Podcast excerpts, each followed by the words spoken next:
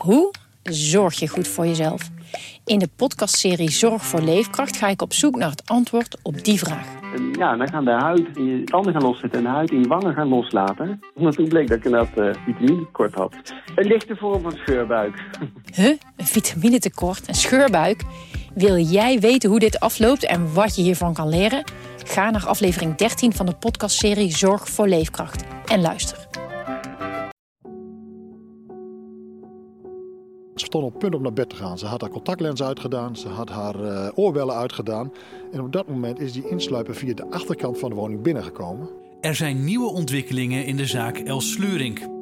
De jonge en ambitieuze psychologe werd in het voorjaar van 1997 met één steek in het hart vermoord. De focus van dit onderzoek die is dus verlegd. Ja, het is natuurlijk nog steeds mogelijk dat Els om het leven is gebracht door een bekende.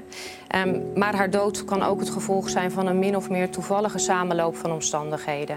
En dat zou dus betekenen dat ze haar belager niet heeft gekend. Een jaar geleden nam ik je mee op onze zoektocht naar de moordenaar van Els. In de podcast In het Hart Geraakt. Wil je weten hoe de zaak er nu voor staat?